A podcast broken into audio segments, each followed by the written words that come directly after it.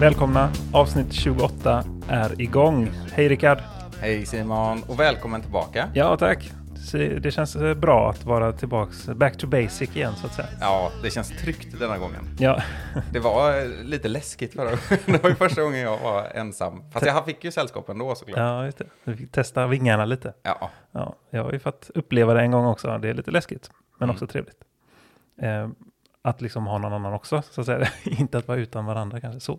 nej. Men eh, absolut. Vi är nu tillbaks som sagt i vanlig ordning. Och eh, vi hoppas att eh, ni är med oss där ute i vanlig ordning. Det vet vi ju aldrig förrän vi har släppt avsnittet om det är någon som kommer lyssna. nej. Jag är lika förvånad varje gång någon lyssnar faktiskt. Det är Låga förväntningar och glada överraskningar. ja, verkligen. Nej, så vi är jättetacksamma för er lyssnare där ute, det vet ni. Och Verkligen. Fortsätt höra av er. Det har ni faktiskt varit ganska duktiga på lite extra det senaste. Och det kan ju ha att göra med att vi har steppat upp lite och släppt lite fler avsnitt. Mm.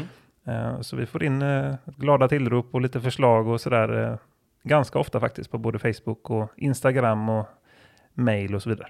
Ja, vi får ju in mer än vad vi har kunnat presentera i podden hittills också. Så Ja. att, har du skickat in så behöver du inte vara orolig, det kan mycket väl dyka upp.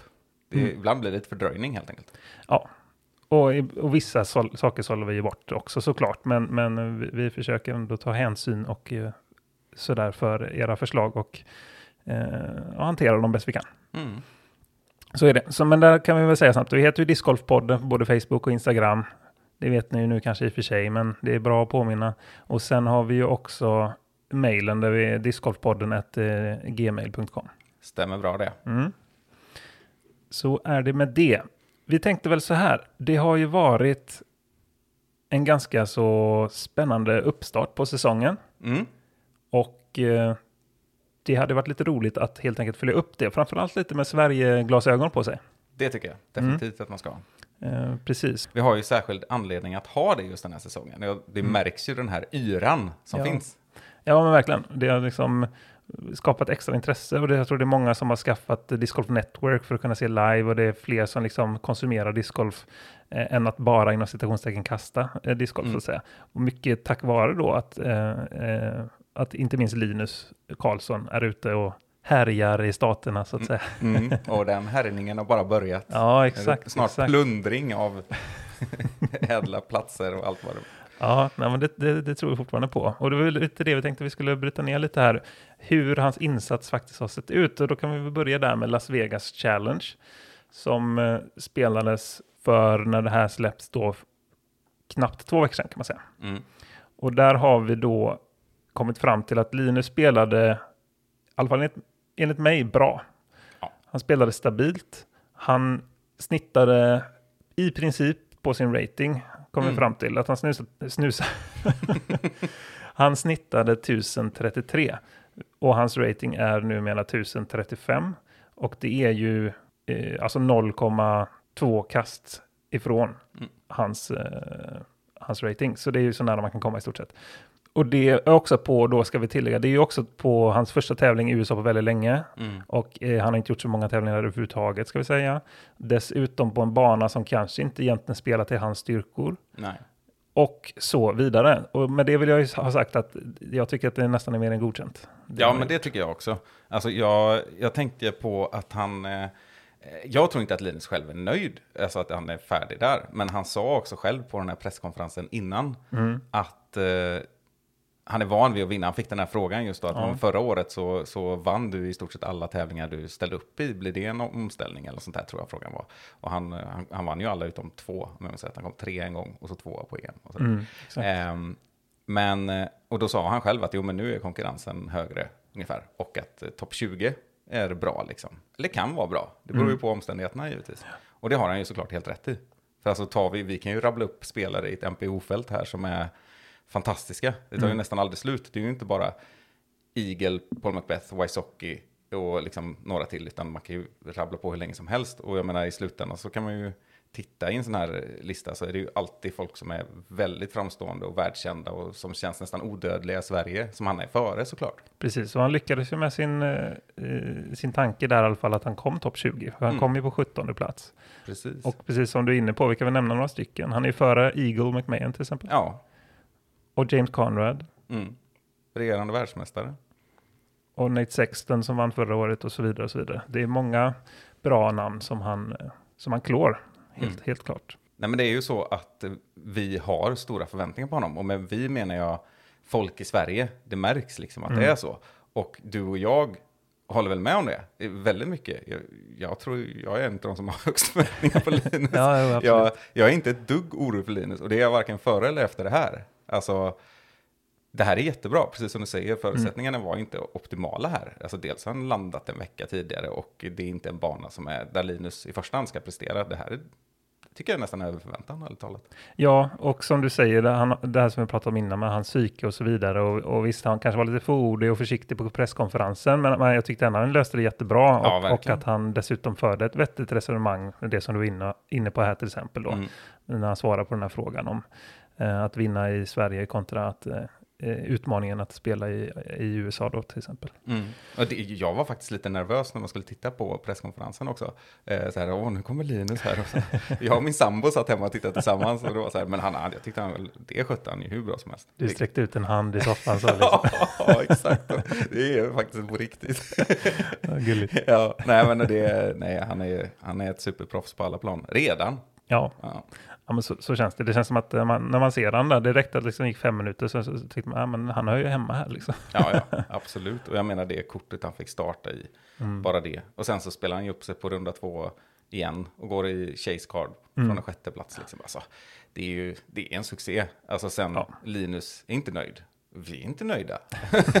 han hade, alltså 17 plats, ja, han hade kunnat vara topp 10, han kunde ha varit topp 5. Alltså, och det är ju helt otroligt. Ja, det är en rimlig start så kan vi säga. Ja, absolut. Och för den som har ett Disc Golf Network-abonnemang så fick man ju ut ganska mycket för de pengarna. Som du säger, med tanke på att han var på både Feature Card och sen också då på Chase Card. Mm. Så då checkar de ju in liksom mycket på Chase Card och sånt där också. Mm. Så bara, here's the Swede again, typ sådär liksom. Ja, exakt. och så eh, fick man se, han kastade lite då och då. Ja, och jag tror att det var många, inte bara som på förhand, eh, som du sa, eh, såg till att skaffa sig ett Disc Golf Network-abonnemang, utan som också förmodligen börjar bli lite frälsta i det här. Du och jag har ju varit frälsta längre, Mm. Ja. eller länge. I just livesändning menar jag. Ja, exakt. Mm. Att vi föredrar det, eller att man kommer in i det och då tycker man att det blir väldigt snuttifierat, har vi pratat om i, med postproduktioner och sådär, att det går lite för fort.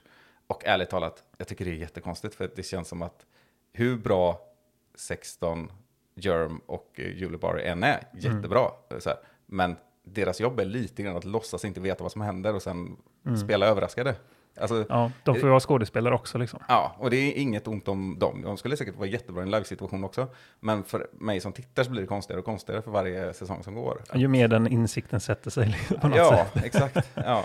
Ja, men det håller jag med om. Och det, som sagt, vi har nog varit inne på det innan där. Men, men att kunna höra lite mer utförliga resonemang och verkligen Mm. kunna bryta ner ett kast. Liksom, för att nu ska de ändå gå dit och datt. Och att det, att det liksom snarare finns en vinst i att det faktiskt tar längre tid än att det är en, en liksom förlust s- sett till eh, vad du får ut som tittare. Liksom. ja, Eh, men såklart så är det ju den här aspekten att ja, det är inte alltid man har tre, fyra timmar liksom att lägga ner. Det kan Nej. jag verkligen förstå. Och Ja, framförallt inte mitt i natten om det nu är samma Nej. tid. nej precis. Och det, eh, det är liksom både och där. För har man inte tiden så har man inte tiden. Eh, men har man tiden så finns det ju ett sånt värde i det här att de fyller ut på ett sånt bra sätt. Precis som Mm. du säger, de, man hoppar mellan hålen.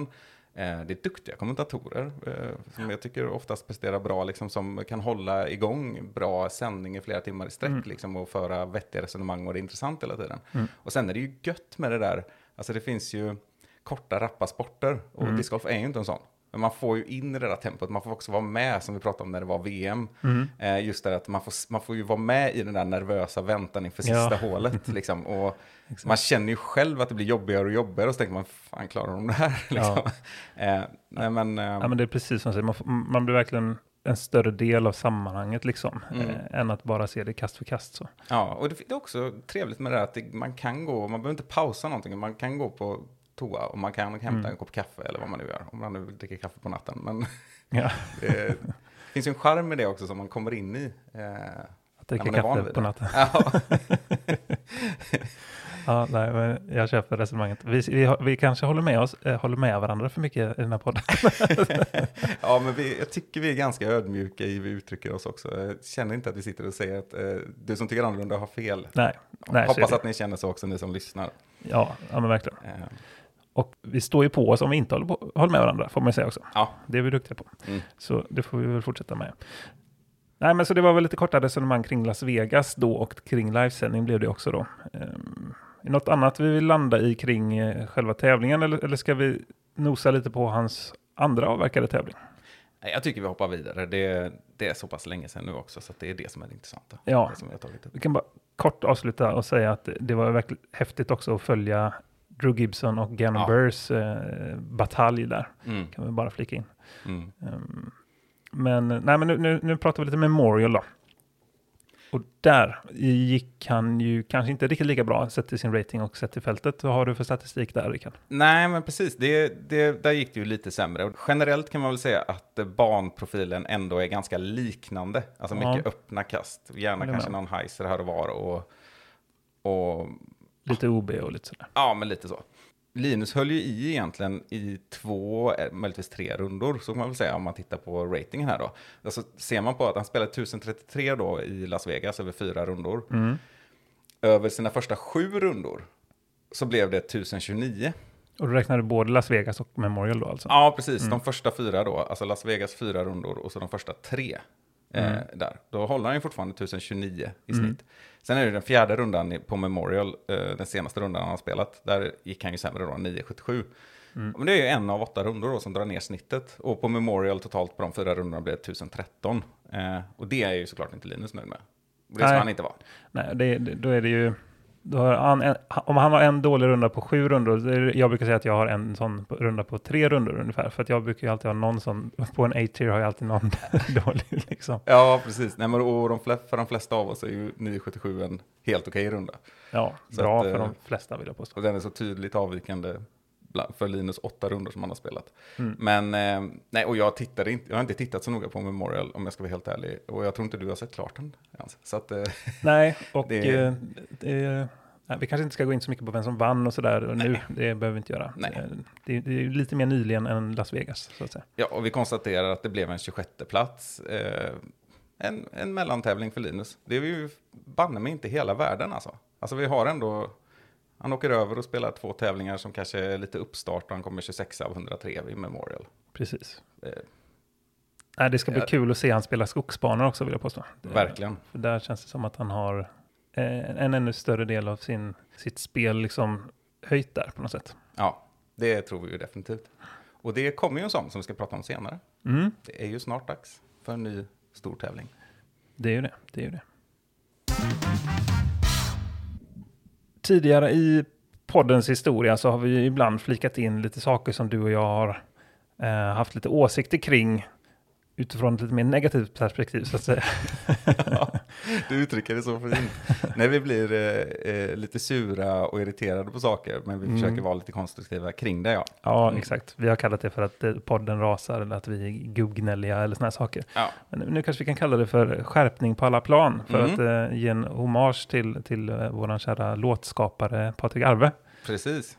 Som ju har det lite som eh, ledord i livet och dessutom en egen podd som har det namnet. Ja, Plus att det är en bra sägning generellt. ja det är det. Ja, det, är det. det är tillfredsställande. Ja, exakt.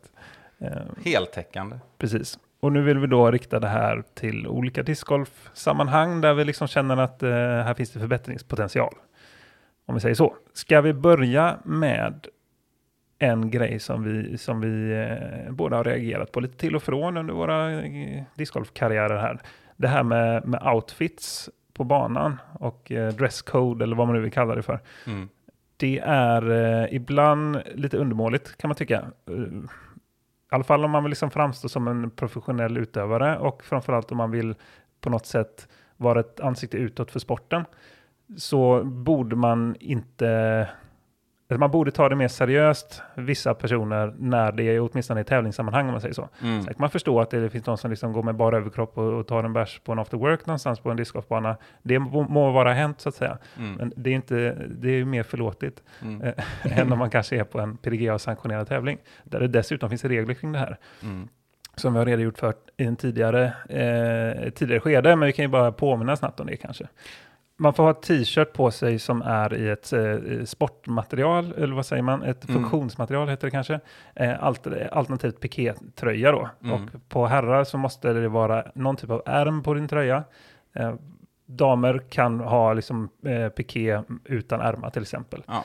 Ehm, Du måste ha skor på dig. ja, Det är ju väldigt sällan man behöver hänvisa till den här regeln, men det finns ju till och med i våra närhet eh, någon som väldigt gärna gillar att spela utan skor. ja, Eh, men eh, tidigare så var det också så att sandaler var förbjudet, men det Mm. tror jag är tillåtet nu. Sen kan man säga att eh, TDn, alltså Tournament Director, den som håller i tävlingen, kan också sätta egna sådana här bestämmelser. För jag har varit med om det på tävlingar, det är någon som liksom glömde sina eh, discgolfskor och körde liksom i crocs eller foppatofflor typ. Och Mm. han fick ju en backning på det, liksom. nej det där är inte okej liksom. Mm. Eh, och det kan jag också tycka, tycka är rimligt liksom, Mm. eh, av olika anledningar.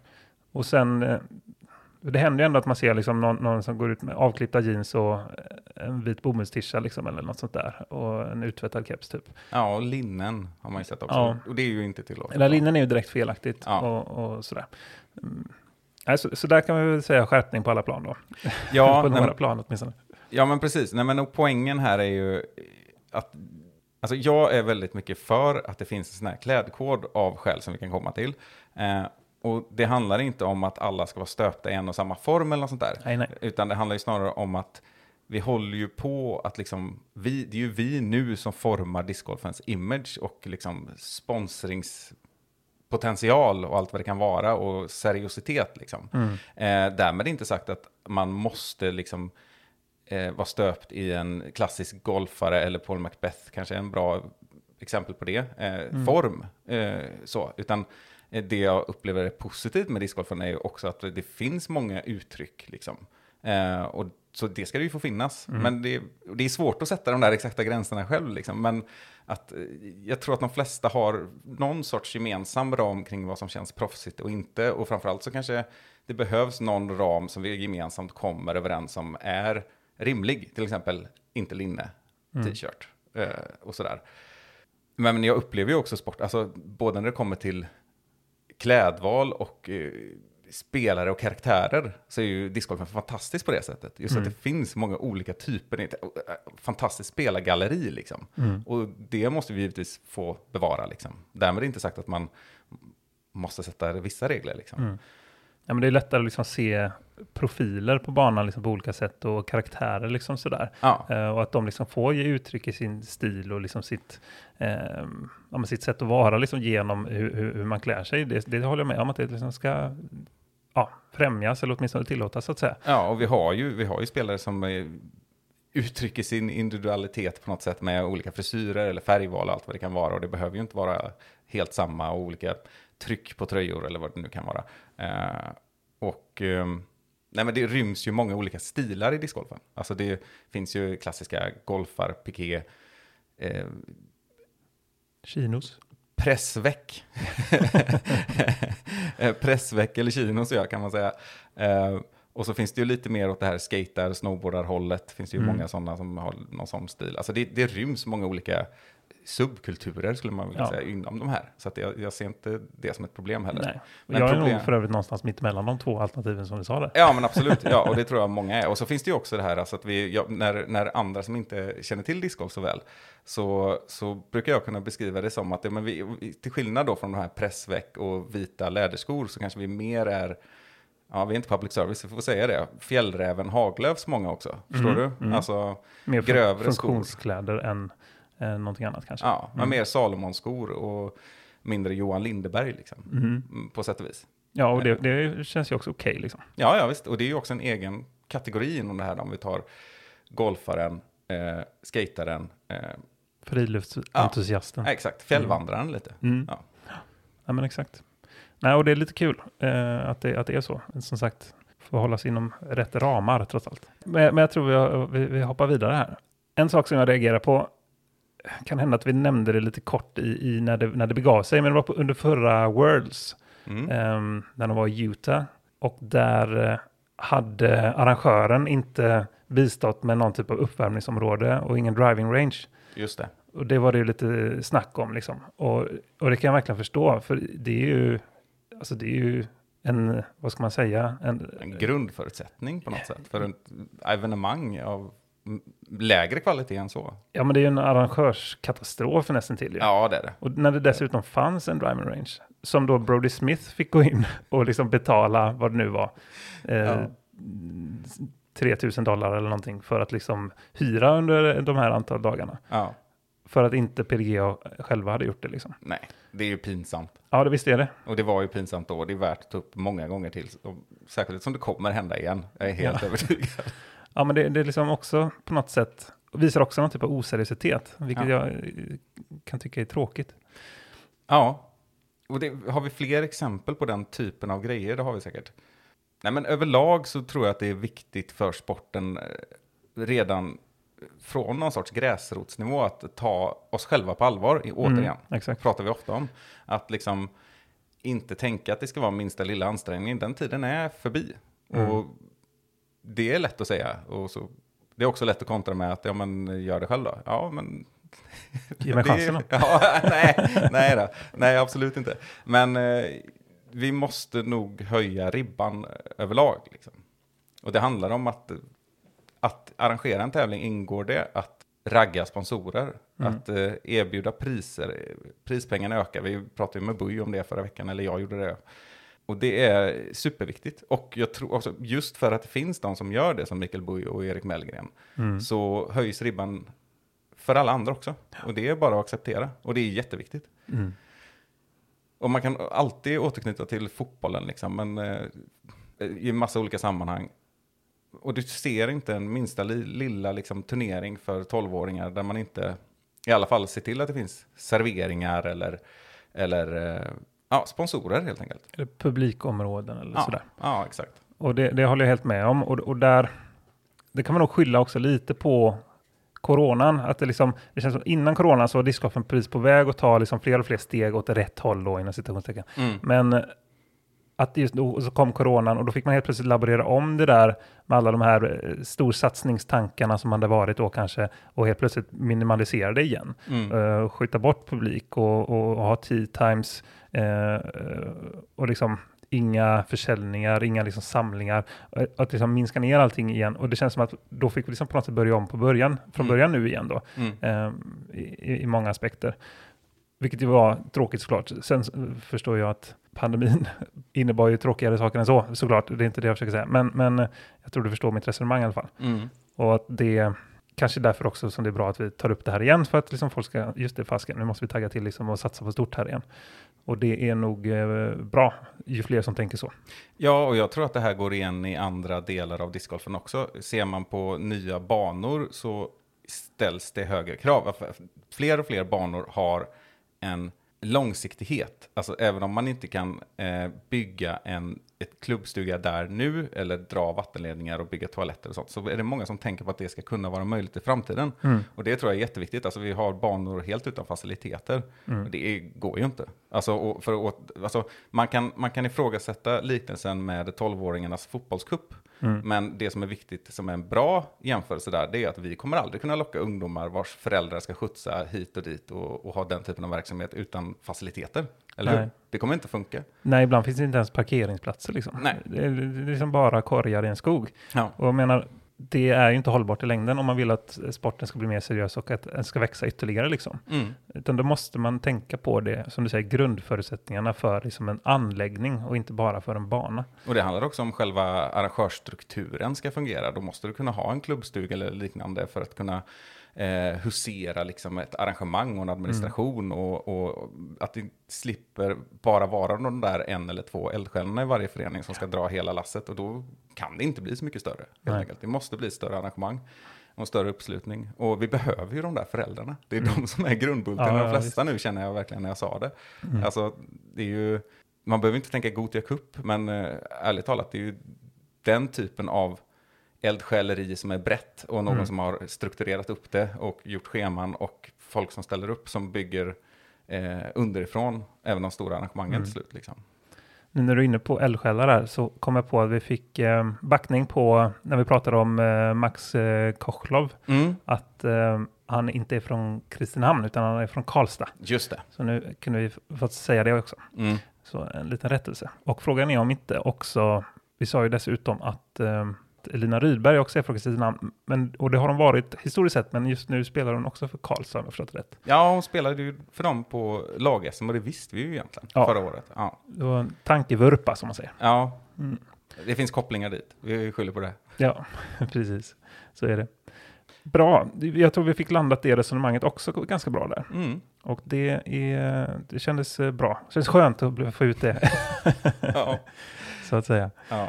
Eh, en annan grej, lite, lite mer trivial kanske, men, eller ah, inte, nej, inte det heller kanske.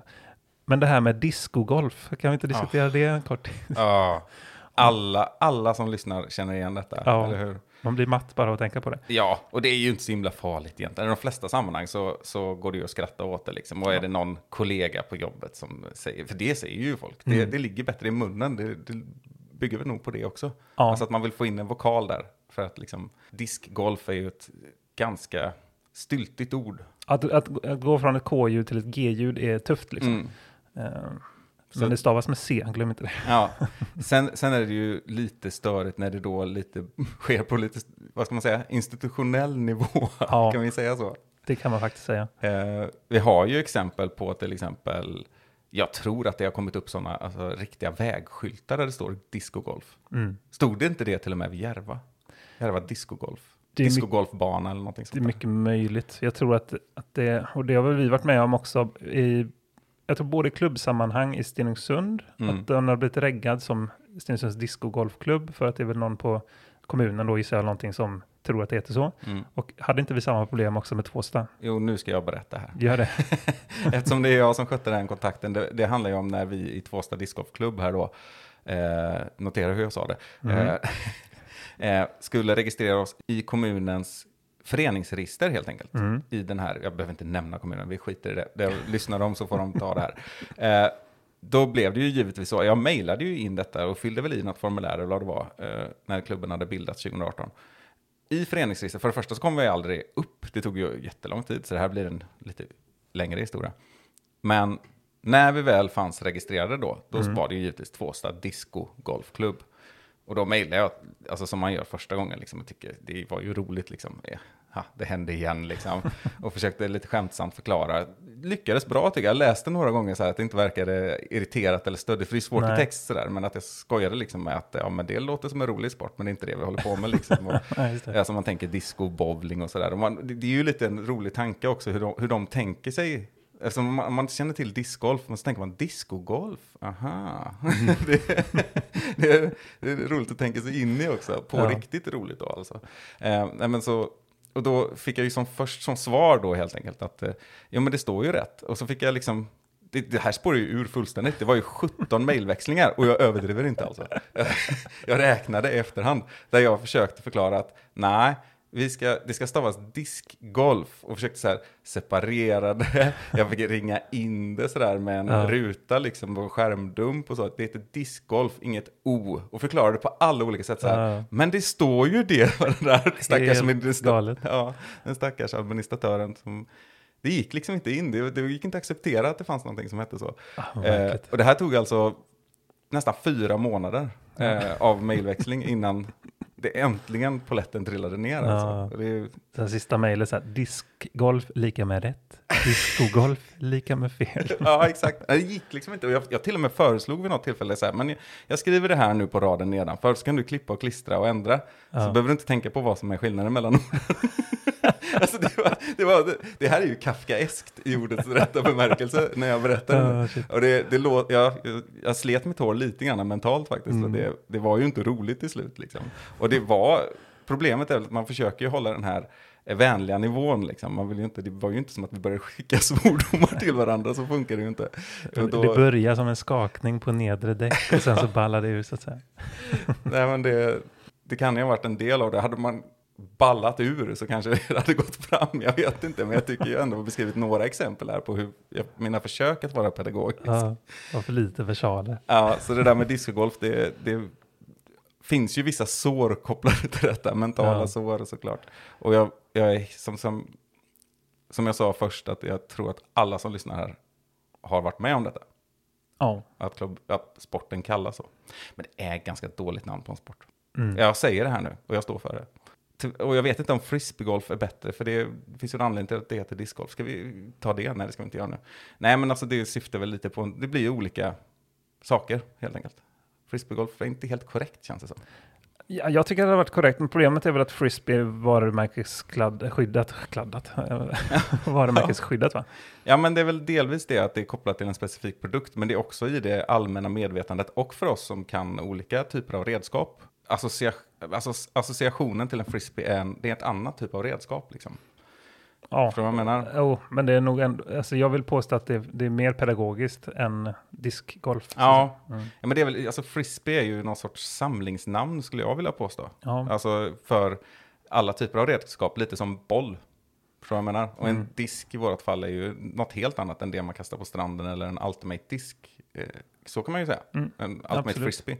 Och då, då är det ju ärligt talat lite som att jämföra en tennisboll och en pingisboll. mm. Absolut. Mm. Och det är ju, du, du, hade ju inte kunnat göra, du kan inte göra samma saker med dem liksom. Mm. Alltså att, att ge sig ut på en riktig tävlingsbana med en, någonting du köper på Statoil heter inte så längre. Nej. Nej. Circle K. så, Det, det var länge sedan. hörru. ja, exakt. Eh, då, då är liknelsen inte så himla haltande för oss som håller på med den här sporten tror jag. Nej. Jag tänkte på det här, som jag sa där med att det ska vara varumärkesskyddat och kalla någonting frisbee. Men- Nej, det tror jag inte. Men jag tror det, kommer där, det börjar där på något sätt. Ja, nej, Alltså men precis för varför, för, som vi sa häromdagen, höll på att säga, men härom avsnittet, att eh, de säger ju det i Norge och Finland väldigt mycket. Ja, ja men alltså det är nog, risken är inte att bli stämd liksom. Nej. Utan det är bara att det, det var så en produkt från Whammo hette tror jag. Alltså att de Mm. hade det från början. Och det har väl, då har ju språket utvecklats utifrån det, frisbeespråket så att säga. Discgolfspråket. Mm. Ja, men om en sport skulle vara att, eh, att hoppa ner i en bubbelpool så skulle man inte kalla det för jacuzzi-hopp utan bub bubbelpoolhopp. Ja, men kanske. Ja, det Jacuzzi kanske är är bra. också ett ja, varumärke, precis. att Ja, det är intressant det där med varumärkesord alltså. Ja. Och frisbee är ju ett varumärkesord, det kan Ja, vi konstatera i alla precis. fall. Eh, Bra sport by the way. ja. Andra varumärkesord. Jeep, Ja, det är ett märke, Mm, inte en exakt. typ av bil. Då har vi tre stycken exempel. Då fattar Ja. ni va? Ja, exakt. Så nu kan ni förklara för era kollegor Ja, och så påpeka att det heter inte discogolf, men det låter kul. ja precis. Jag brukar så här säga, det är discgolf. Eh, vadå sa du? Frisbeegolf. Ja, Det kan nästan alltid bli så. ja jag tror, och där känner också varenda lyssnare igen sig. Och det är inte så himla farligt. Jag brukar också säga att när vi inte, vi inte så vi är inte så känsliga för det, lite som, jag tror att det finns till exempel med bangolfare, tror jag att det är känsligare. Då får Mm. man inte säga minigolf. Nej, den eh, trampar folk på tårna tror jag. Ja, jag tror det är värre där i alla fall, men det kan ju vara fördomar också. Mm. Men det, Äventyrsgolf. Ja, ja, men det tror jag är en egen gren inom det. Det är ja. när det är konstgräs istället, eller det är det i och för sig också, men det är, när det, det är liksom inga sådana här loopar och konstiga kanter och sånt, utan det är mer bunkrar och, och, och sådär tror jag. Ja, men det, det finns ju, jag tror det, nu tror Det jag borde jag vara mer minigolf faktiskt. Ja, exakt. Ja, exakt, för det liknar ju mer Ja, på något sätt en fairway som lutar och sådär. Men det finns ju eternitbanor, och Mm. det är ju en typ av tävlingsgren och sådär. Men sen så är de, precis som du säger, att de är ganska raka, styltiga, Mm, de här precis. ena banan. Och så är äventyrsgolf en annan eh, gren, tror jag. Nu är Mm. jag ingen expert här, men jag känner folk som håller på med detta. Mm. Ja, men, eh, jag är inte den som är den när det kommer till att spela något av de där som du nämnde, varken minigolf eller barngolf då, eller äventyrsgolf, när det finns tillgängligt som en liten sommaraktivitet. Det är Ja. svinkul. Ja, Speciellt det- om man gör det så här lite seriöst såklart. Liksom. Ja, ja, Så det blir men- lite competition av det. Vi gör ju allting seriöst. Det Ja. går ju inte att inte vara seriös. Hur kul är det? Alltså, kom inte hem till mig och spela Finns i sjön utan att ta det på allvar. Då kan, då kan du lika gärna stanna hemma. Exakt så. Ja, det är helt rätt. Sen är vi kompisar när det är över, jag lovar. Ja. Det beror, beror på hur det går. Nej, den tiden är förbi mig. Ja, det låter bra. Mm. Nej, men eh, en sak som jag måste säga här. eh, Jag säger förlåt i- på, för, eh, på förväg till Ian Anderson. Vår kära kommentator som började på Central Coast Disc Golf men som numera är på Disc Golf Network också. Någonting som jag inte kan sluta tänka på är när han, när han eh, hela tiden ska bekräfta saker och ting genom en motfråga. Jag vet inte om du har tänkt på det? Ah. Nej, men alltså ja, ja, ja. Det här har vi pratat om så länge. Det är, alltså, innan vi träffades så började ju det här. Ja. Alltså, det, alltså han är ju... han lägger sig ju så himla platt och det Ja. är bara den andra som är intressant. Och han, det här är Ian Anderson, jättetrevlig snubbe och Ja, kunnig. Alltså, herregud, just därför, ta lite plats. Du har varit med så länge i gamet, du kan det här. Du kan så jädra mycket. Du är experten lika mycket som den som sitter bredvid. Och, och det är alltid det där, ja. "Eh, He is, isn't he? Exakt. He He did, did, didn't he? alltså sluta. Ja, Det är helt, det är helt outhärdligt. ja Och, och det är ju synd, för att han duktig liksom. Jag kan, han kan föra vettade, vettiga resonemang och kan vara intressant att lyssna på. Mm. Men det är också som du var inne på att han lägger sig platt. Kan, han kan vara väldigt så, det är väldigt lite edge så att säga. Och väldigt lite egen åsikt egentligen. Mm. Eh, och så vidare. Och det kan väl vara lite, eh, lite synd ibland. Ja, ja, känslan är att det finns så mycket kunderna där som inte kommer ut för att han är, Försiktig. ja, han är lite feg i det. Mm. Liksom. Alltså ärligt talat, eh, Ian Anderson måste ju vara, ja men han är så superetablerad i en Mm. relativt ung sport, särskilt på liksom i sändningssammanhang. Mm. Alltså, Det handlar Han är ju om en Terry tung- Miller typ liksom. ja, exakt, han är ju en tung pjäs oavsett han vill eller inte. Mm. Eh, visa det då. För Mm. han kan ju det, det är jag helt säker på, så det är så synd. Eh, Ja, lite så. ja. Men eh, verkar vara en jättetrevlig snubbe. Ja, verkligen. Ja. Och som sagt kunnig, så att, eh, Mm. det är ju det som är frustrerande. Ja, så är det. Ja, den var riktigt irriterande. Bra punkt. Precis. Och sen, eh, jag vet inte om, tycker du det här är irriterande också? Ricky Wysocki's eh, förmåga att plocka upp sin minima, minidisk. Eh, det menar hans eh, från, frånvaro av förmåga. Oförmåga. ja, Ja, han, den, den brukar rulla hit och dit och han jonglerar med den ofrivilligt. Ja. han tar upp den till 25 procent. Ja, ja, men det är alltid just det där extra steget ja. Det blir lite så att man går tillbaka. Ja, precis. Mm. Precis. Det, det är också så här, men vad fan, ta en halv sekund till Rick. Du löser det. Han är så ettrig, han vill framåt. Han, han är Ja. ett typexempel på det här. Så här. Kan vi inte gå till nästa tid nu? Ja, Jag kan inte vänta längre. nej, det är sympatiskt. det är roligt, något som säkerligen många har lagt märke till. Man skulle ha haft en sån compilation. Om någon, om någon lyssnare är duktig på att klippa saker, gå in och klippa ut alla hans sådana fails när han ska plocka upp mini. Ja, snälla. Det hade varit roligt. Ja, jag kommer titta på den varje dag. Det är ju roligt när det är alltså sådana typer av klipp när det just blir så återkommande med samma sak hela tiden. Mm. Det, jag vet inte varför, men det är roligt. Ja, men visst gjorde de ju sådana här eh, humoristiska videos? Var det inför USDGC eller var det inför VM eller någonting förra året? Där de bjöd på sig själva. Och han använde ju några sådana här språkliga Ja, just det, egenheter just det, just också. det. Det. var svinbra, alltså verkligen Mm. självdistans, proffsigt gjort och alltihopa. Det var, ja det var, just Wysocki-delen var jätte, Mm. jättebra, minns jag. Det var ju också mycket när, en period när han trampade över väldigt mycket från 10. Ja, just det. Och då så var det några som hade skrivit i kommentarerna, eller väldigt många då. Why don't you start your run up further back? Ja, eller så här, prova att trampa, trampa klart en meter innan och, Ja. sådär. och han testade och tränade Ja. den där videon. Här. Var precis. I mitt huvud nu så blir det nästan Just som någon do här, ja, nästan något sånt där klassiskt 80-tals Rocky-montage när han liksom ska träna på att trampa ut rätt. Ja, ja det är Ja. jättebra. Eye of the tiger liksom. Ja, är duktig på att bjuda på sig själv faktiskt. Ja, det är roligt. Vi ska ta oss till Waco, Just det. Texas. Mm. För nu är det ju dags igen. Vi släpper det här avsnittet på torsdag den tionde, blir det kanske? Mm. 10 mars. Då är det ju också avspark, eller på säga. Men eh, för det börjar väl på torsdag eller börjar det på fredag? Nej, det börjar på fredag faktiskt. Mm. Så det är 11, 12, 13 det spelas. Disc Golf Pro Tour tillbaka igen. Memorial var ju inte en Disc Golf Pro Tour kan vi säga. Eh, men för den som ville kolla på de rundorna från Memorial så finns ju de på just Terry Millers eh, YouTube-sida, alltså The Disc Golf Guy på YouTube. Där till exempel Linus är med i Feature Card, en av rundorna där, ja, första rundan då såklart. Det var ju två Feature Cards då faktiskt. Så där kan ni kolla på det, om det är någon som sitter och väntar på det på Disc Golf Network så får ni vänta länge så att säga. Men däremot Waco drar igång då alltså på fredag den 11. Och där har vi haft lite speciella tävlingar historiskt sett. Det var ju där som Colton Montgomery skrällvann för två år sedan blir det va? Ja, det måste det ju vara, ja. Där han vann före Macbeth när det ställdes in på grund av corona och efter två rundor. Mm. Och det var ju också där som, när vi pratade med Kona, så pratade vi om det. Det var ju också hon som vann, men det var ju däremot förra året. Och de två är ju ett par. Mm, I giftastagen till och med. precis. Och om man fortsätter prata om MPO när det gäller Waco så får vi ju notera att en som vi saknade i Las Vegas, det var ju Paul Macbeth. Ja. Han var med på Memorial och han kommer vara med på Waco. Ja, och vi kan nöja oss med att säga att hans första runda på Memorial drog till sig en hel del uppmärksamhet. Stabil. Ja, hyfsat stabil. Över 1100 i rating, det, det är att betrakta som stabilt. Minus Ja. 16. Ja, det är snyggt. Han blir att räkna med 2022 också, föga förvånande.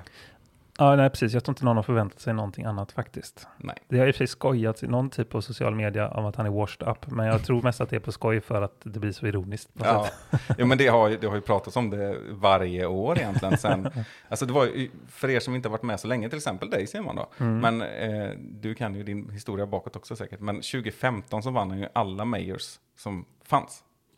Han vann alla stora tävlingar. Mm. Eh, och det var ju några år, han vann ju VM fyra år på rad där också, 2012, 2015 och sådär. Så det, det bygger väl lite på det där. Och sen så har konkurrensen ökat och det är väldigt många som är duktiga.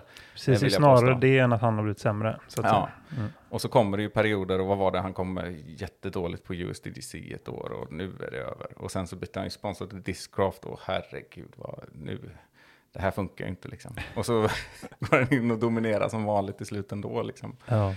Ehm, ja, så det är ju är nog förhoppningsvis ett skämt. Men det dyker nog alltid upp seriösa kommentarer kring det där, att nej men nu är det nog ändå slut va? och, så, och så skjuter han minus 18. Mm. Mm. Nej, precis. Jag, jag reagerar på att eh, Eagle McMahon inte är med i registreringslistan för Waco. Nej.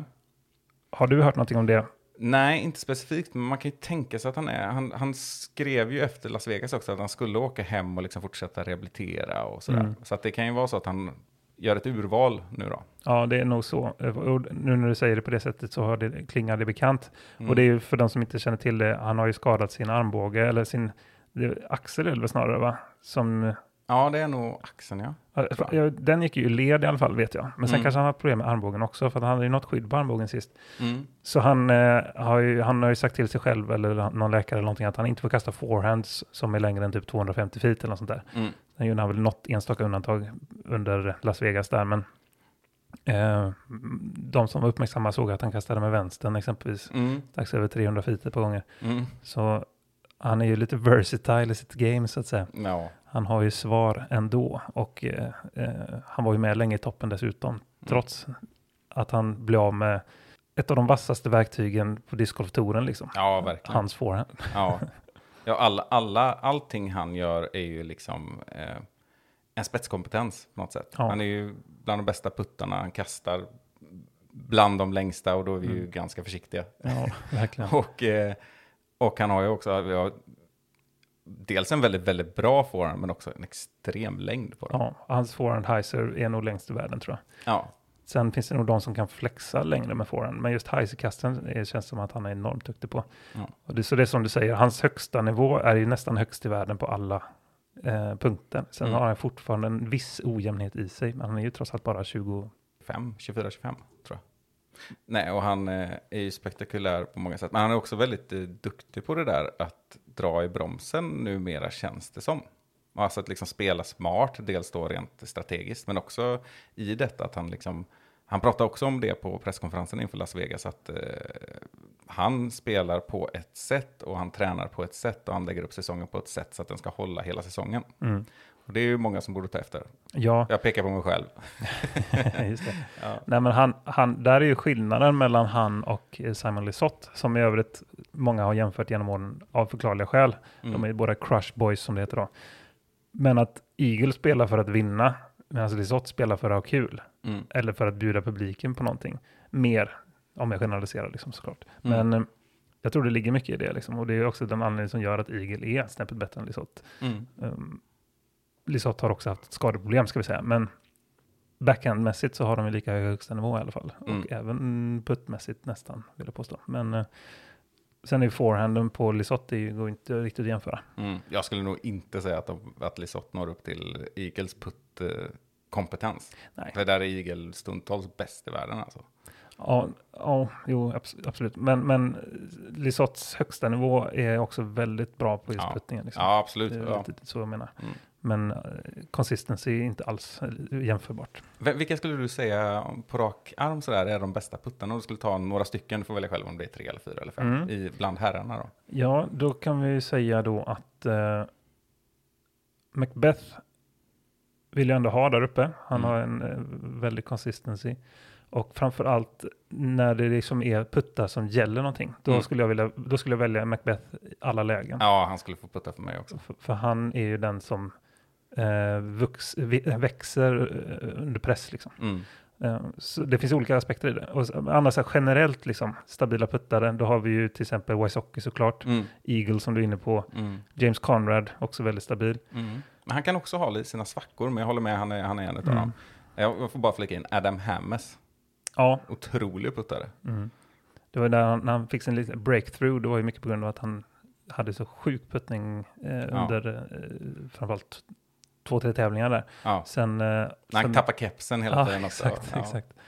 Eh, så absolut. Sen eh, kan man ju nämna de som liksom är kända för att de har just bra puttning men kanske inte når upp till samma nivå i övriga Mm. delar i sitt spel. Och där har vi till exempel Matt Bell Mm. och Chandler Fry Mm. som är två sådana som är liksom kända för att putta vansinnigt bra. Jag tror till och med Matt Bell har vunnit världsmästerskapen i puttning typ två gånger eller någonting.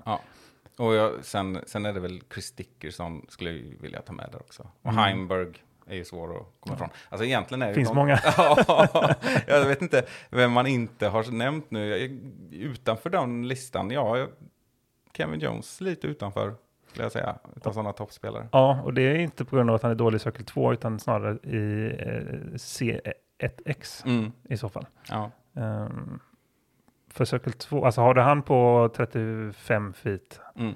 så är han ju dödlig faktiskt. Ja, och Conrad också. Ja, alltså så fort han hamnar på faktiskt. 12 meter, då, då går det ju inte. Så fort han får göra den där lufset fram. beamen. Liksom. Ja, exakt. Ja, så är det. Nej, men det finns ju de som eh, många år har, har eh, kämpat med puttningen, som Drew Gibson till exempel, är Mm. sån som har haft en eh, top tier eh, kastarm liksom i Mm. många år, men som har kämpat med att få in puttningarna, eller puttningen. Men där har han ju faktiskt hittat någonting Ja, de man- senaste tävlingarna i år och även avslutning förra året. Ja. Herre, herregud. Alltså, Det var ju en av de sjukaste rundorna puttningsmässigt Shit, som man det var fan sett. mäktigt alltså. Ja. Och det var, ju, det var ju på Tour Championship. Och jag vill påstå att det var, att det var samma 2019 då Adam Hammes höll på. När han spelade mot Heimberg där. Det kan nog ha varit, ja, Ja. att det var Disc Golf eh, Pro Tour avslutningen så att säga. Ja, exakt. Ehm, Det var då kepsen flög av varenda Mm. hoppputt där och allting satt. Han till och med var förvånad själv. Fast han var ju inte det. Jag såg en intervju om det. Att han, är- han, han ser ju sig själv som den bästa puttaren egentligen. ja, det är lite roligt. Ja. Det finns en, eh, alltså det är väldigt fascinerande när man ser personer, discgolfare, som kommer in i den här zonen liksom. Ja, ja. Och, och alltså det, jag får rysningar nu när jag pratar om det. Alltså, då är, det där är två utmärkta exempel. Den Ja. som, de vet att den ska gå i från 30 meter, det spelar liksom ingen roll. Nej, och det, var, det var liknande när eh, James Conrad vann USDGC också. Då hade han också två rundor i rad där på Mm, slutet. och ja. Allting bara. Man var, men då visste man det verkligen. Men, men det var något snäpp högre just med Drew Gibson där Ja. förra Ja, hösten. ju ett, eh, he was an animal alltså. Ja, nej, men då, tänk, då, då, då tänkte man ändå inte så här, nu ska Drew Gibson putta, nu kommer det hända igen. Då Nej. tänkte man, det går inte. Och så, och så gör han det, och så blir det värre och värre, och längre och Ja. sjukare, och mer träd i vägen. Och liksom, det är inte en slump till slut, utan det är bara briljans. Ja, det var mäktigt faktiskt. Det blev, det blev, det blev, det blev liksom en show Ja, på något sätt. ja Som verkligen. aldrig har sett maken till. Och Ja. lite, eh, om jag var inne på det också, när Greg Barsby vann VM, var också, han Ja. var också inne i en sån zon då. Ja. Liksom bara stängt i dem liksom. Och kul nu när man spelar upp det här i huvudet, att de Mm. har ju så olika tekniker. Särskilt när du slängde in Barsby, i, då ser man den här nedförsputten som är helt idiotisk på något sätt, där vid Smugglers Notch ner, ner i skogen. Som var, och den, han, han puttar ju liksom fem meter upp i luften när han ska Mm. putta 12 meter fram. Ja. och den droppar i varenda gång. Ja, det är fascinerande. Intressant också kanske en skillnad här, för nu pratar vi mycket om herrarna, men Mm. skillnaden här är, väl kanske att det är några som ännu tydligare utmärker sig på damsidan. Ja. Eller hur? Ja, det är dock det är mi- mindre sällan som... eh, Nej, förlåt. Det är mer sällan som det blir de här riktigt spektakulära. Och det är nog mycket på grund av att de här som är riktigt duktiga eh, i, på damsidan i och med att bredden är inte lika bred där, Nej. eller topp, toppen är inte lika bred kan man säga då, Ja. då tjänar de oftare på att lägga upp Mm. eh, just de här svårare puttarna. Ja. Eh, även om de lika gärna hade kunnat sätta dem så att säga. Mm. Eh, det är min analys av det i alla fall. Ja, men jag håller med. Och det, det, alltså det påverkas av hur fältet spelas så Ja, mycket, precis, hur man exakt. själv måste lägga upp det. Och det blir att, Så de spelar ju rätt och spelar smart. ja, och Page Pierce är ju en duktig puttare såklart. Och Katrina Allen har ju haft problem med det, men är ju en duktig puttare. Det har vi sett i år. Men hon har ju fått annat. en Drew Gibson-utveckling nästan ju. Ja, exakt. Att liksom gått från ganska undermålig till kanonbra liksom. Ja, och det känns ju rimligt att lyfta fram Page Pierce och Katrina Allen som exempel på det här med toppen som sticker iväg och som Ja. leder med 15 kast. Och då kanske det inte är så jätteintressant att femte placerade spelaren har en sån här jätteputtrunda Nej. som de ofta har. Precis. Och vissa då, eh, Heather Young till exempel, Mm. lever ju kanske mer på sin, specifikt på sin puttning. Ja, för hon och Owen resultat över tid. Scoggins kan man väl Ja. säga. Det är ju de liksom som, som är de där riktigt kända puttarna som saknar distansen liksom. Ja, Eh, för att ha hela paketet. ja. Eh, och Det har vi varit inne på och jag, skick, jag, jag skickade det faktiskt det meddelandet till, jag tror det var Innova som la ut en fråga på Instagram, typ sådär, vilka två hade ni velat se i, eh, vilka två proffs hade ni velat se spela en partävling ihop? Och Mm. då skrev jag eh, Jennifer Allen och Owen Scoggins. Mm. Det spelar ju båda för Innova. Och Jennifer Allen är så känd för att kasta långt och bra, men svajig i puttningen. Och Owen Scoggins helt tvärtom då. Det har varit en Mm. riktig sån där perfect match då. ja, verkligen. Och då fick jag faktiskt svar från Jennifer Allen som, som skrev att eh, eh, I agree, typ sådär, och Ja. att eh, we actually talked about this, typ. Ja, det är ja, ganska exakt. roligt. Vem skulle komplettera, vilken typ av spelare skulle komplettera dig bäst i en sån? Ja, det, lite som vi var inne på häromsistens, att jag anser mig ju inte ha någon jättetydlig svag punkt, men heller ingen jättetydlig liksom, eh, eh, S i rockärmen så att säga.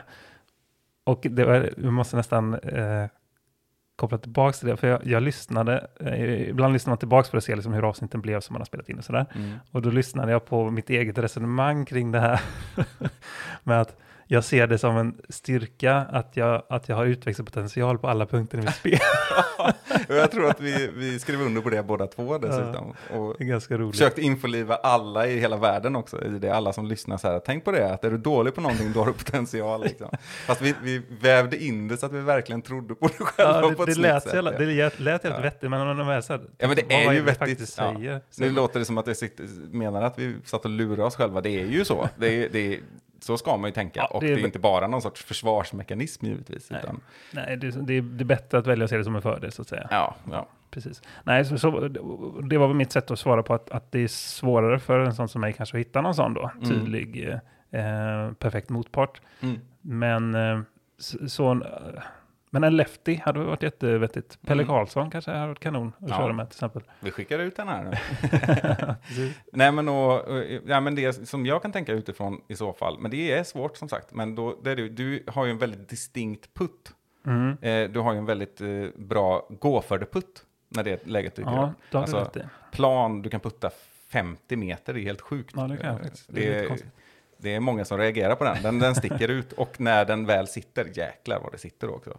Så att i en parsituation kan man ju också tänka mig att eh, jag vet inte vad är det som kompletterar det då? Jo, men någon som Någon kanske har en annan Greg puttstil. Barsby-putt, typ Ja, då, exakt. som, En- liksom, eh, som är lite mer safe run, så att säga. En putch eller pushputt, eller Mm. pitch. pitch, en butchputt. Nej, men det, det, det heter väl, vi brukar säga pushputt, men jag tror det heter pitch om det är vissa delar. Men Greg Barsby i alla fall, ja precis. En, en som stannar, om man missar han så är den inte långt borta. Eller? Nej, precis. För det, det där är väl min nackdel då när jag inser för sent att jag inte har min puttdag så att säga och fortsätter kötta på och så liksom har man liksom längre comeback-putt än man hade från början. Mm. Då, då är det jobbigt liksom. Mm. Och, och det kan sätta sig mentalt. Och, men ibland så har jag den känslan och då har jag ju faktiskt, kan jag switcha över till lite som Paul Ulibarri. Det är lite jobbigt när man ska jämföra sig med honom, för han är inte känd för att putta så jättebra. Nej, Men, eh, eh, men han kan ju ibland gå över till en typ av Anheuser, nästan lite flexputt typ. Mm. Mm. Eh, när han vill safe-bidda typ. Eller ibland bara när man vill byta av sitt momentum på något sätt. Mm. Och det har ju jag en tendens att göra också. Mm. Där har jag också fått reaktioner, inte för att det, det ser så häftigt ut kanske, utan bara för att folk säger oj, puttar du? Vad konstigt att du puttar med så mycket Anheuser. För det Ja. kan jag göra ibland. ja, verkligen. Ehm, Det har du väl till med nästan kört regelmässigt i perioder så. mm. Mm. Ja, lite som när Kona Panis gick över det till det också, Mm. lite sådär. Och, det. eh, Så det finns flera exempel. Jag vet till exempel att Camilla Jernberg var en sån som reagerade när vi gick ihop på Ale någon gång där. Och så skulle jag putta någon sån här cirkel 2-putt typ. Mm. Och hon kunde liksom inte hålla, så hon bara oj, oj vad hände? Typ. det var så konstigt var det inte tänkte jag. Men det kanske var lite konstigt. Ja. Eh, hur som helst, Vad var det vi pratade om? ingen aning. Nej, Men vi okej. pratade om Waco. Men det blir kul. Ja. ja, det blir nog kanonbra faktiskt. Ja, nej, men det är kul med en eh, bana som bryter av lite från de tävlingarna som varit hittills då. För det kan ju även räkna in All Star Weekend i det. Ja, sen är ju inte Waco någon renodlad skogsbana. Nej. Men den är, det är mer träd än det är på eh, de tidigare vi har sett här. Ja, och det är ju inte en bana som vi skulle nämna som en favoritbana på något sätt. Men det är, den, är, den är ganska kul att titta på. Det är kul att titta på Jeremy Cooling när han kastar forehanden på, från tee på håll 4 eller vad det är. Ja, Hoppas man får just se det. honom Just göra det. det. det som är ett par fyra dessutom. Ja, Eh, där han går lite för igen kan man säga med sin typ flip-up wraith tror jag ja, ja, den är galen. Mm, helt klart så. Och sen eh, kan vi väl kanske säga att vi har Linus Karlsson med här också. Mhm. Så det blir kul att följa honom. Ja, Och vi har ju också Max Ruditnik nu. ja på just Waco. det. Äntligen. Våran kära örebroare. Ja. Ehm, så han ska också bli rolig att följa. Mm. Men det är de enda svenskarna som är med både på FPO och MPO. En som vi får vänta lite på är ju Niklas Antila. Ja, har du någon nyhet där eller? Ja, jag såg någonstans att han ska göra sin USA-debut i år på Texas State Championship. Ja, men det är inte långt bort. Nej. Kul! Mm. Det ska bli roligt. Och sen måste jag också säga att det ska bli fortsatt väldigt kul att följa Kristin Tatar, Henna Blomros, Evelina Sallinen och Katie Tette. Mm. Eh, Katie Tette är kanske den minst namnkunniga av de här fyra jag nämnde, men det är ju de europeiska storspelarna, får vi kalla alla fyra nu, Mm. som är över på FBO-sidan framför allt. Det kan ju finnas någon, kanske mer, som jag missat, men inte i alla fall på Waco. Ehm, och där Katie är ju också estniska, kan vi ju tillägga. Mm. Hon, hon var väldigt duktig på EM och hade någon jättecool throw-in där på 330 feet eller något sånt där. Ja, hon spelar ju det hålet bra två varv i rad och sådär Mm. också. Gjorde någon... Ja, hon la sig väldigt bra för en birdie där. Det var ett långt hål. Så, Ett väldigt fint hål. ja, Väldigt, väldigt fint hål. precis. Nej, så de, det, är, det är en fröjd att följa även dem, måste jag säga. Verkligen.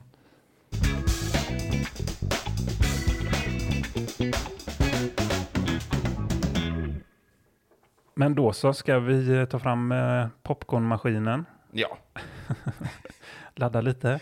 och sätta på kaffe tydligen också. Just det. För de som är lagda åt det hållet. Det kan ju behövas dock om man ska börja kolla på en fyra timmars sändning klockan 22.30. ja, exakt. Eller, och för den delen om man började kolla på FBO klockan 17.30 redan. Ja, mm. Så då blir det många timmar. Men det, där har de ju ändrat, för det, visst var det så att MPO var först ut de flesta tävlingarna förra året? Nej, det är jag inte säker på. I alla fall på några. Ja, kanske. Jag vet att det var så, Ja, eh, att, eh, i perioder i alla fall. då tror jag på det. Eh, för att då var det tvärtom, att damerna gick ut sist helt enkelt. Mm. Ehm, och det finns väl för och nackdelar med det, eh, som vi ja, inte behöver grotta in oss i mer nu. Men Nej, sen kan man ju påpeka att det är ju vissa delar av de här torerna så är det ju väldigt fördelaktiga tider. Nu var det ju, när Linus gick ut var det väl 22.48 svensk tid. Mm. Eh, det kommer ju kunna vara 20.00 när de är till exempel på östkusten. precis, man tjänar ett par timmar där. Ja, och då, då vill jag ju säga att det är betydligt bättre sändningstider än om, än om det hade varit, eller om man hade varit på plats liksom. Mm. Alltså att en fredag klockan 14 liksom. Det är ju, då går det ju inte.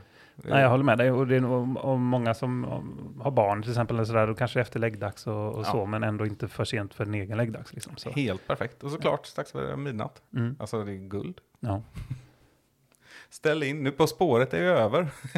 just det. det är sant. Det är sant. Ja, Melodifestivalen för de som tittar på det, det är också snart slut. Tror jag. Ja. jag är ärligt talat inte helt säker faktiskt. Ja, Jag har faktiskt lyckats undvika det nästan totalt den här gången, vilket är en, eh, vad ska man säga, eh, en bedrift i sig med tanke på hur, hur liksom det har ballat ur med eh, antal deltävlingar och så vidare. Jag, jag har ju faktiskt, jag, jag har inte sett någonting heller, men jag fick ju också intervjua en låtskrivare som är här från Vänersborg. Ja, Och det blev ju lite speciellt då, då var jag ju tvungen att titta lite bakåt sådär, men jag, jag hade inte tid att liksom researcha för mycket. Men det blir ju lite så när man ringer upp någon så liksom, ja, sitter där med armarna i kors. vad är det här? Ja, nej, absolut inte. Det var, det var så trevligt så. Eh, men jag visste ju ingenting. Nej, nej, jag fattar. Låtskrivare till eh, den första deltävlingen, Cornelia Jacobs låt var det för övrigt. Till dig. En Vänersborgare. Vi har mycket låtskrivare från Vänersborg. Från Sverige generellt faktiskt, om man ska se det så. Ja, särskilt i Melodifestivalen. ja, jo. Definitivt, men jag menar även globalt så att säga. ja, nej men Vänersborg är en sån här musikstad, får vi slå ett slag för. Ja, Agnes Karlsson är härifrån. det, Det är kanske, ganska coolt. ja, jo. Ja, jag vet inte. jo, det är det ju, det är klart. Det är ju Ja. en stjärna, men det var kanske inte sådär, wow, nu, nu kommer Discgolf-Sverige vallfärda hit i en sorts musikpilgrimsfärd. Nej. Eh, nej, så är det nog inte. nej. Men... Ska vi skita det här? Ja, det gör vi.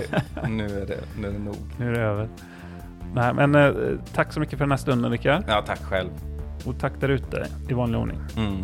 Så eh, knyter vi ihop den berömda säcken och så inväntar vi Waco med spänning.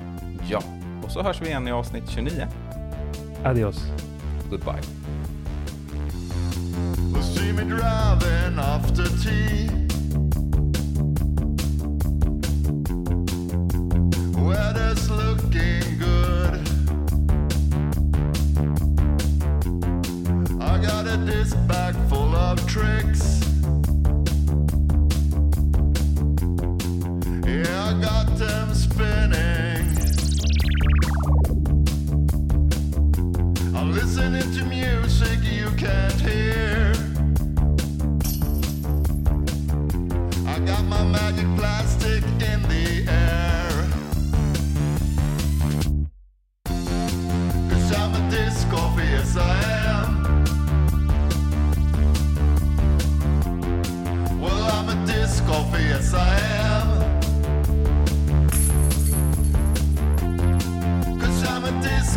yes I am.